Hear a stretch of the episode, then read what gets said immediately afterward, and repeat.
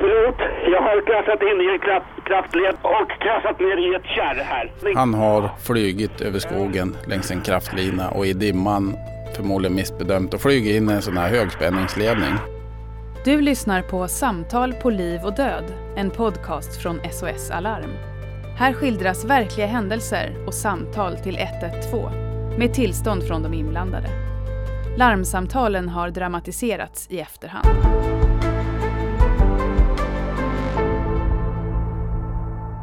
Det här var en ja, sen eftermiddag. Det har ganska mycket att göra. Det är sent på hösten, det är kallt och det är rätt mycket jourteleuppdrag vi har. Vi är ganska chokade med samtal. När min kollega helt plötsligt får ett 112-samtal som jag kommer med i medlyssningen och hör att... Hallå? Hör du mig? SOS 112, vad har inträffat? Hallå? De får ingen riktig kontakt. Så vi testar att vända medlyssningen helt enkelt. Att jag tar över samtalet och han ligger med. SOS 112, vad har inträffat? Och då hör vi varann. Ja, jag, jag är helikopterpilot.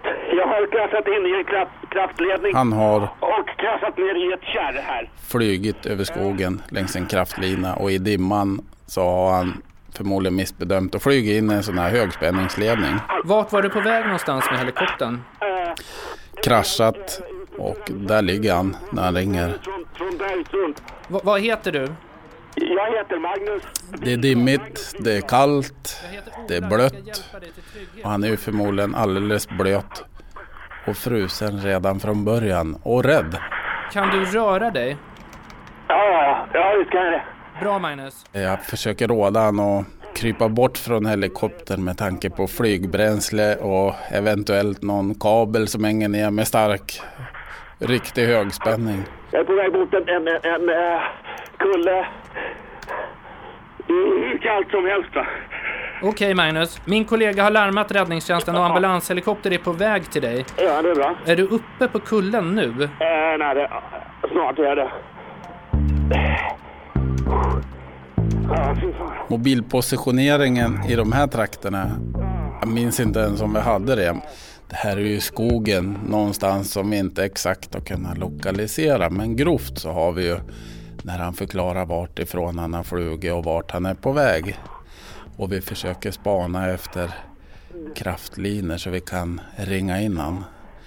Men vi får i alla fall räddningstjänst och ambulans och helikopter på rull. Jag vet bara inte om jag kommer klara det här vet du. Jag sitter uppkopplad med mannen som eh, allt eftersom tiden går börjar misströsta att inte någon kommer för kylan och vätan och, och vad han har varit med om. Det är så jävla kallt. Jag är inte... Försök bara att röra på dig så mycket du Jag kan. kan inte hantera det här. Jag bara skakar. Ut. Jag förstår. Men försök ändå att röra på dig hela tiden så håller du blodcirkulationen igång. Dimman gör ju att helikoptern kan inte gå ner. De kan lyfta och flyga ovanför men ljuset tränger inte igenom. Magnus? Så att vi, vi, vi får ha han och lotsa på ljud. Magnus, kan du höra någon helikopter? Hur nära han tycker det eller hur långt ifrån han tycker det. Nu. Nej, nej, nej, fan, jag har ingenting här. Jag har ingenting. Okej Magnus, räddningspersonalen är inte långt borta så Hur fan vet du det? Vi försöker få han att skrika och göra sig hörd. de är inte långt borta, jag vet det. Så prova att skrika så högt du kan nu. Vad fan? Ah, hallå! Hallå! Jag hör, det är ingen som svarar. Hallå! Det är ingen som hör han. Och det är ju ganska mycket folk ute här. Det är kört. Ja, fan. Eh, och hans mod sjunker. Och till slut så börjar han ju dela med sig av eh, sin dödsångest. Magnus, Magnus, Magnus. Magnus. Och man får försöka bolla tillbaks, få han att hämta kraft igen. Och orka en stund till och en stund till. Och vi har, förme- vi har fått upp så bra kontakt så man försöker hålla samtalet igång och hålla han igång. Försöka göra vad man kan för att hålla värmen. Men Det går åt helvete. Magnus, har du familj? Ja, jag har fru och två barn fast jag... Ah, Fan vad jag längtar efter dem nu. till slut så börjar han ju att dela med sig av sina innersta känslor och vad han tänker. Och han berättar om sin familj. Vi, vi försöker att hitta samtalsämnen såklart för att hålla samtalet igång. Vi blir väldigt personliga. Vi delar, han delar ju alla sina tankar och alla sina känslor tror jag den här stunden. Tillfället gjorde ju att vi vart otroliga eh, vänner. Vi hade ju bara varandra då. Han hade bara mig just då, den här tiden. Och, och såklart, jag fanns ju där bara för han också, den här tiden. Jag släppte allting annat. Jag orkar inte mer nu. Jag tror inte jag klarar det här. Magnus, du får inte ge upp nu. Är är.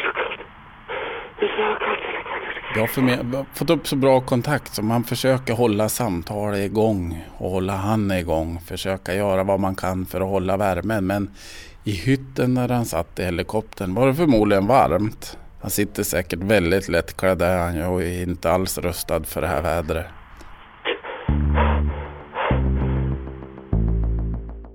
Vi får en position på den här svarta lådan.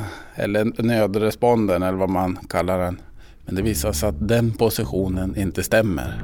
Jag har ingenting här uppe. Du får hälsa min familj att jag inte klarar av det här. Till, till slut så, så är ju mannen där att han känner att han kommer inte att bli funnen.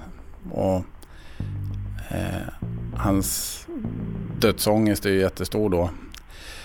Eh, samtidigt är han ganska samlad. Han, han, han vill att man ska Det- Jag klarar inte det här. Jag är ledsen. Nej, lägg hälsa av nu. Kom igen. hälsa sin familj. Alltså, han tar farväl. Att, eh, han orkar inte längre. Han är slut.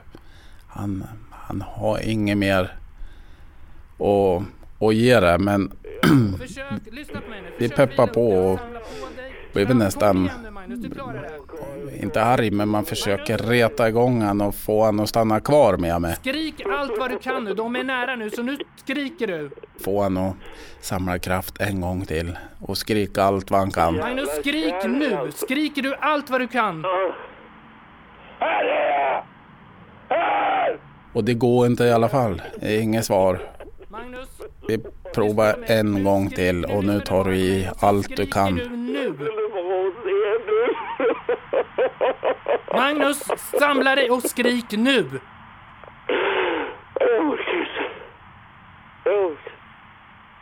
Och då är han tyst jättelänge. Jag börjar undra om han har somnat nästan där. Men så kommer det där skriket och han skriker. Det är som nu eller aldrig i stort sett. Då eh, vinka min kollega som sitter uppkopplad på mobil mot räddningstjänsten. Och de bekräftar att de hör skriket. Och eh, ja, skriket föder skriket och så hittar man varandra rätt fort. Och då eh, var, ja, det är en obeskrivlig känsla.